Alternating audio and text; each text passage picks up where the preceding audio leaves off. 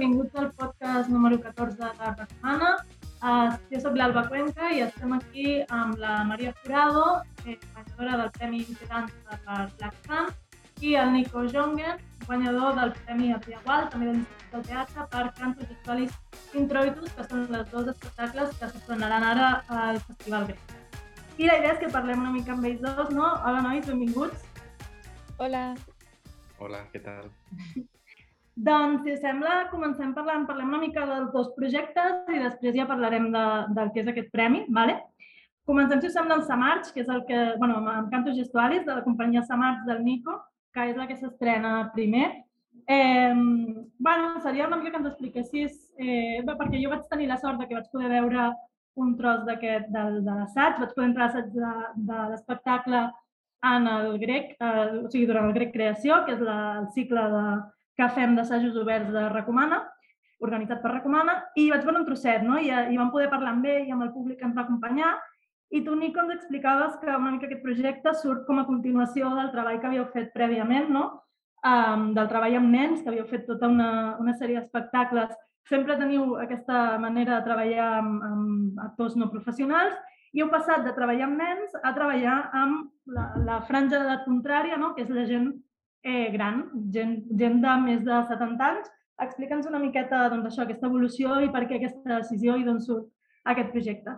Sí, per, per mi té molt de sentit, Alba, que haguem entrat en aquest capítol de treballar amb, amb gent més gran que nosaltres eh, i bastant més gran que nosaltres, eh, diria, eh, perquè per mi estan intrínsecament connectats amb, amb la infància o, o eh, no sé com dir-ho, aquesta, aquesta experiència eh, que en un primer moment o en una primera instància sembla molt diferent a l'experiència que podria tenir la infància mm, tant a dones que en el fons estan molt connectades.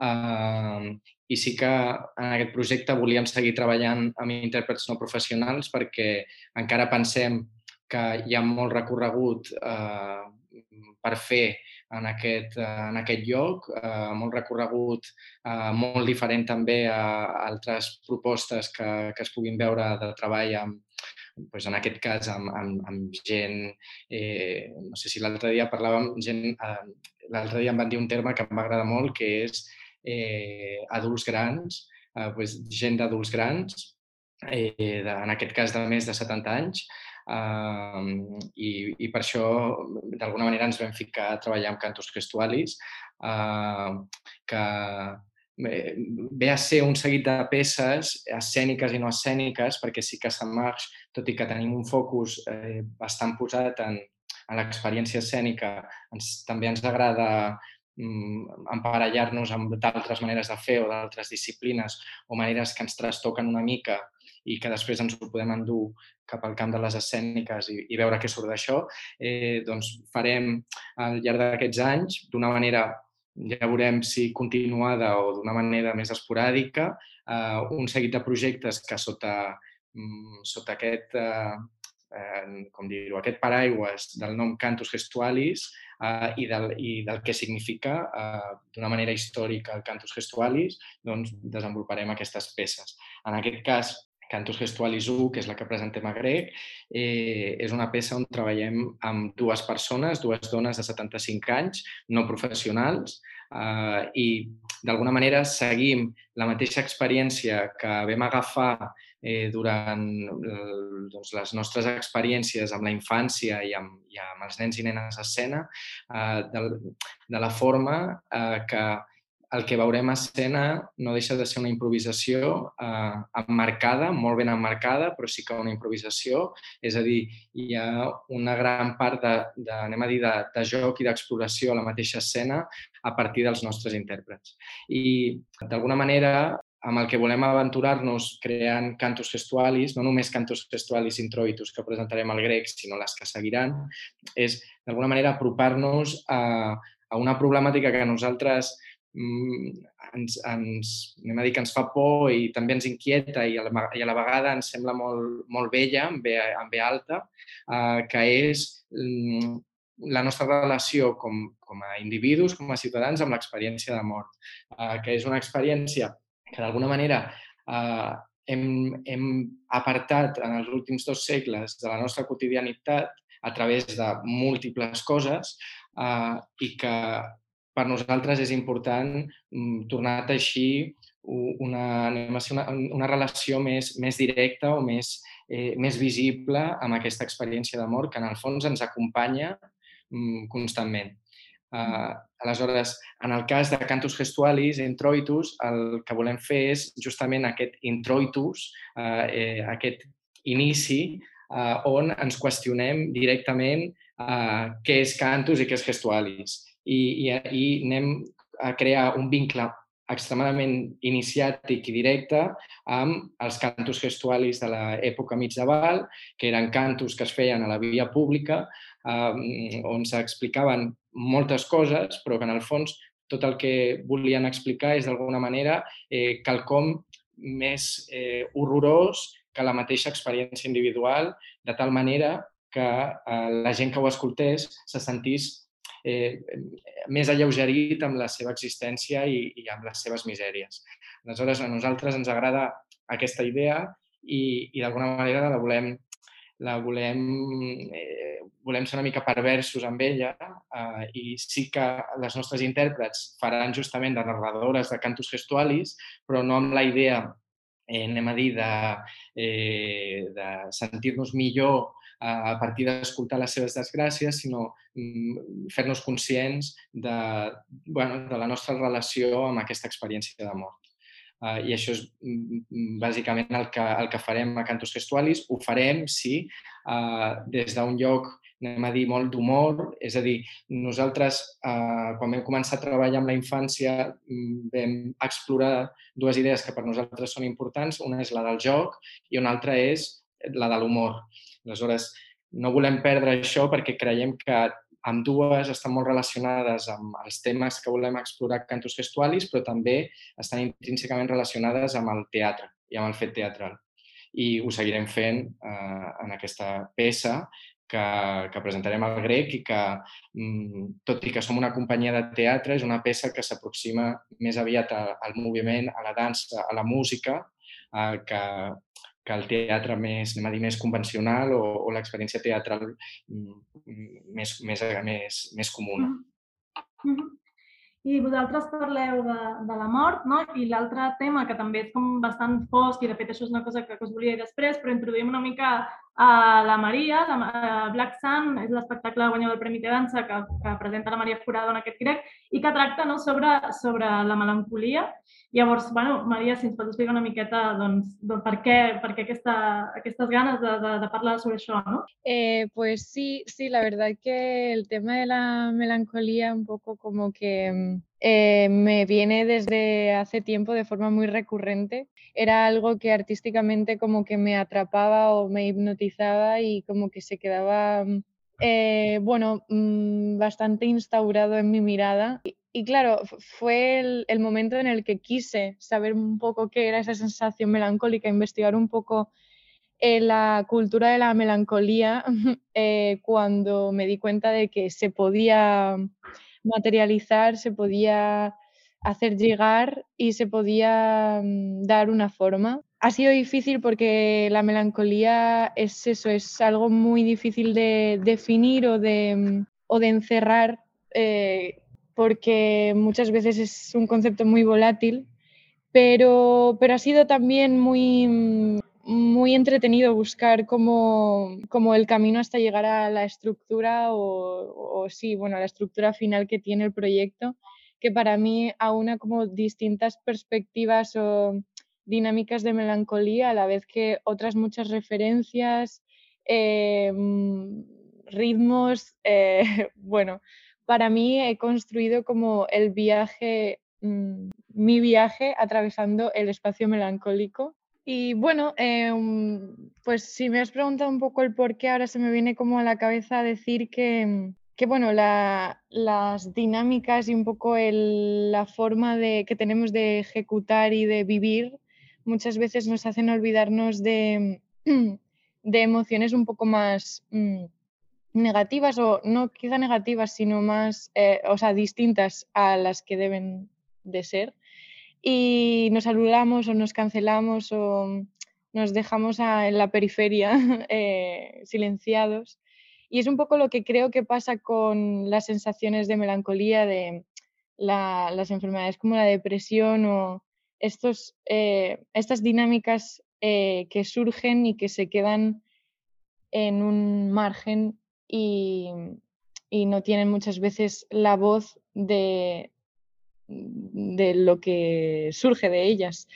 Y estar en este lugar me ha dado mucha perspectiva, me ha dado mucha lucidez también. Y bueno, creo que es un golpe sobre la mesa, es una forma de, eh, de, un poco también como decía Nico, ¿no? No de, no de hablar por encima, sino de ponerlo sobre la mesa y que cada uno como que coja un poco lo que crea conveniente, porque, bueno, sí que es una cosa dura de escenificar, pero, pero a la vez interesante y está bien también normalizarla y verla de cara.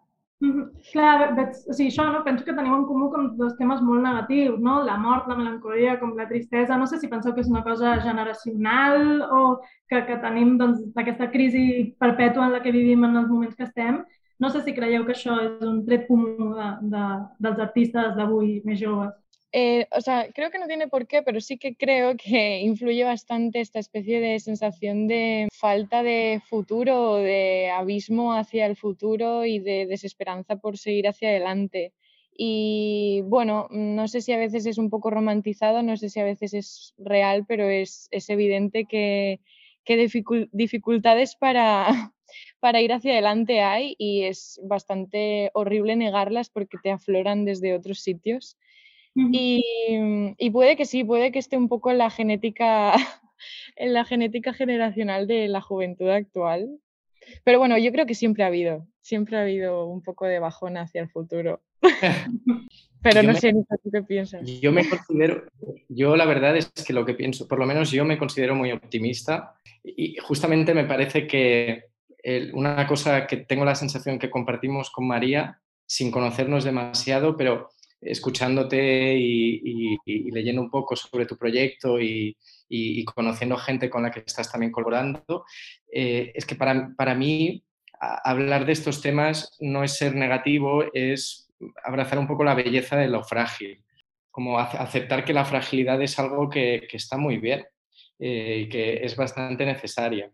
Entonces, eh, sí, quizás se ponen sobre la mesa ciertas ciertas experiencias que, pueden ser un poco, eh, bueno, ¿no? que son chungas y que son complicadas, eh, pero la manera de aproximarse a ellas no es desde un sitio, para a mi entender, o por lo menos en, mi manera de trabajar, es, vamos a decir, como solicista, es, es, bastante eso, optimista, bastante de, intentar crear un vínculo con, el espectador y, un vínculo bastante directo y, bastante sencillo, poco, aunque lo pueda parecer poco intelectual. Es, más una, experiencia que pasa por, su cuerpo, por la emoción, por algo más abstracto. Por eso antes hablaba de, danza, de música, de cómo esto interpela más al espectador o a mi entender lo hace.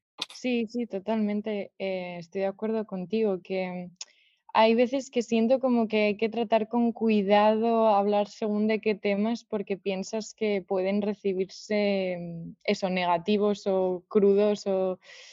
Pero, pero es lo que tú dices, como que mm, desprenden una belleza y si te dejas impactar o, mm, eh, si te dejas llevar también por lo que, lo que es, eh, puedes llegar a sitios bastante enriquecedores, o por lo menos así lo creo.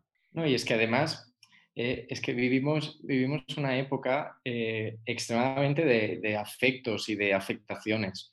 Eh, y vivimos constantemente eso, como masacrados por esta cosa como de aparente sentimiento ah, que, que, la verdad es que es muy superficial y tiene un punto de falso, pero al mismo tiempo eso nos da bastantes herramientas que yo creo que debemos aprovechar, o, yo por lo menos en el caso de Cantus Gestualis eh, las, estoy intentando aprovechar eh, porque me parece que es una manera de apelar muy rápidamente al, espectador y, apelar a una parte más, no sé cómo decirlo, más de, inconsciente o, más eh, inferior del cerebro que, eso que, de alguna manera estamos intentando explorar con, con, Cantus Gestual Introitus, pero que de hecho la estamos también recogiendo para el siguiente proyecto de Cantus Gestualis, que tiene que ver con esta cosa de la empatía y de cómo, cómo funciona la empatía. Y que, que, vuelvo, tiene muchísimo que ver con el hecho teatral. Ah, y, tengo la sensación de que cosas de lo que dices tú, María, mm, también tienen que ver con esta, con esta empatía.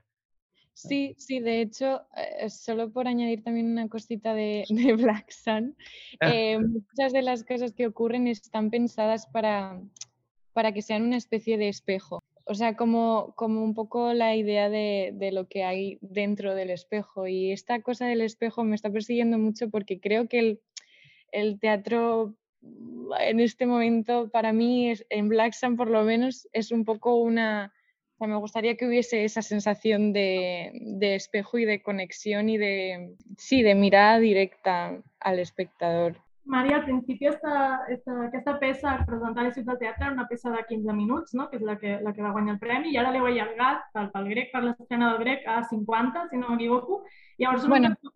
60, sí. però sí. Què? Perdona? No, no, sí, 60 aprox. 60, vale. I com, com, com és aquest procés d'allargar una peça per, perquè, perquè realment sigui que, que hi hagi un contingut important? No sé si tu ja quan la vas pensar ja, ja pensaves en, en, en allargar-la, o sigui que acabaria allargada, o clar, com es fa perquè no sigui com un pegote posat, sinó que realment tingui sentit dotar-la d'una hora, perquè és molta estona, passar de 15 minuts a una hora. Com, com, és, com és això? A ver, lo cierto es que la pieza mmm, eh, creo que podría ser infinita en el sentido de que se suelta ahí y es como, tengo la sensación de que podría, el público podría estar mirando por una mirilla durante horas eh, y días y años y la pieza seguiría igual. O sea, como que mm, la sensación que tengo cuando la he transformado en una hora es que eh, he tenido que modular ritmos, he tenido que, bueno, que hacerla a una hora, pero la sensación interna de creación es mmm, queda igual el show, o sea, estoy hablando de lo que estoy hablando, el bucle que estoy construyendo es el bucle, bucle que estoy construyendo y le pongo una música, le ponga tal, va a ser igual de blanco y negro y de... o sea, me refiero que, que estoy construyendo una pieza bastante encajada en un marco de cuadro depresivo. Entonces, eh, tiene sus clímax, tiene sus bajadas, pero bueno, es una pieza densita. bueno, no sé, me he liado aquí un poco al final, pero básicamente quiero decir que, mm, que está como hecha a partir de un código de, de lenguaje y es un poco encerrar eh, las dinámicas de, de, una melancolía o de una depresión. Quiero decirte que, que, mi intención ha sido acabar y empezar como, como llegué, a pesar de que sí que he construido un viaje. Por eso te digo que también puede ser infinito. O sea, podría durar tres días, que em, empezaríamos y acabaríamos igual. Obviamente no, porque pasamos por cosas, pero, pero sí. Eh, I tu, Nico, que estàs parlant, bueno, parles molt no, de, del següent espectacle, suposo que ja tens com molt la mirada. Una de les coses és que has, ara estàs dintre del Teatre Lliure, com a ten, estaràs, tindràs, seràs artista resident eh, d'intercanvi a Bèlgica, no? treballant en aquesta segona part del projecte. No sé si, si ja l'estàs com, què n'esperes d'aquesta residència fora o, o com ho vols treballar, no sé fins a quin punt tens ja desenvolupat, com cap on anirà aquesta segona part feta, eh, ajudada amb una residència d'intercanvi a Bèlgica?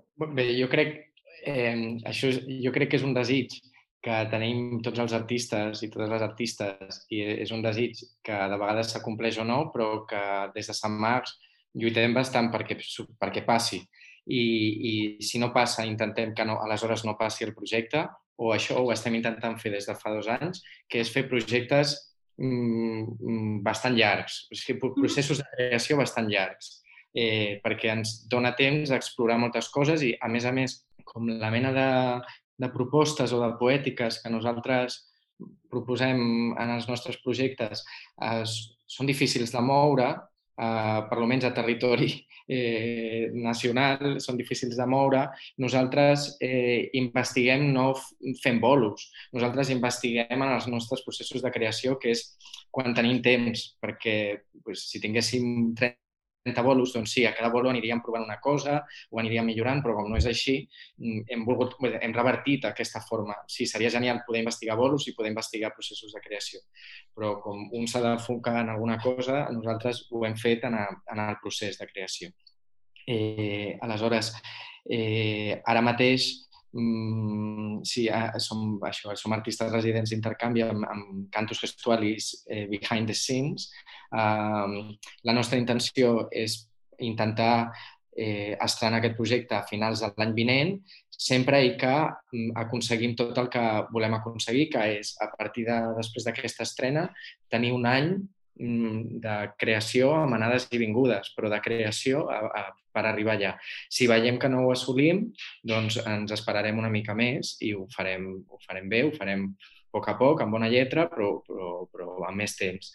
Uh, lo interessant de mm, la residència al Teatre Lliure i la residència Campo, que és aquest centre de creació que està a Gante, eh, amb el qual nosaltres ens sentim molt representats i per això eh, estem molt contents de que hagi sortit aquesta possibilitat de treballar allà.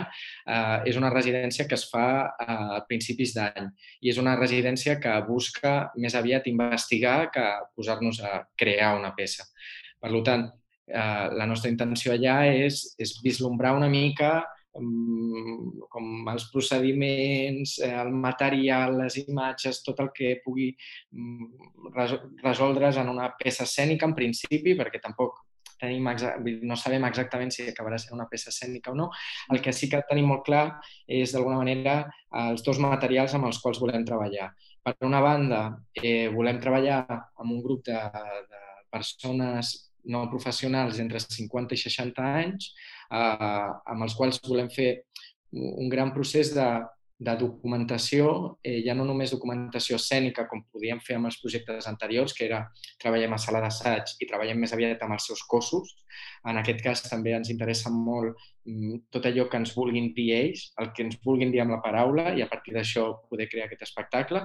I per una altra banda, amb la idea de factisme, mm, amb les seves múltiples vessants eh, doncs tenim, per una banda, podríem tenir tot l'efectisme eh, d'efecte visual que eh, està creant un efecte real amb un element ficcional mm, i torna a ser, tot i que sigui un element molt cinematogràfic, torna a reverberar molt per mi amb el teatre, però també és amb tot l'efectisme que parlàvem abans del mass media i de totes aquestes afectacions amb les quals ens relacionem en el nostre dia, eh, i continua i continua.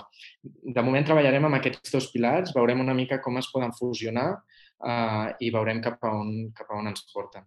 Doncs crec que ja no ens queda gaire temps, però sí que volia fer un últim comentari sobre, sobre, el pre, sobre els dos premis d'Institut del Teatre, no? que, que parlàvem l'altre dia amb el Nico, no? que és com que hi ha pocs premis així, que és molt important que hi hagi diners per poder, per poder generar tot això. I jo sé que fa poc es va obrir de nou, s'han obert les bases de la nova convocatòria al Premi Adrià Gual Voldria acabar preguntant-vos què li diríeu a algú que s'està pensant si presentar-se, si no, com l'animaríeu o què li recomanaríeu que fes eh, per decidir-se a presentar-se a aquest premi. Aquest premi o el de, o el de danses, clar. Al final es una oportunidad mmm, chula y potente para hacer algo, eh, no sé, para hacer tu trabajo, para, para poder sacarle un poco de provecho al, a, mm, bueno, a la capacidad y al dinero que te puede permitir poder hacer algo más grande, poder pagar a gente que colabore contigo y que te ayude a sacar el proyecto adelante.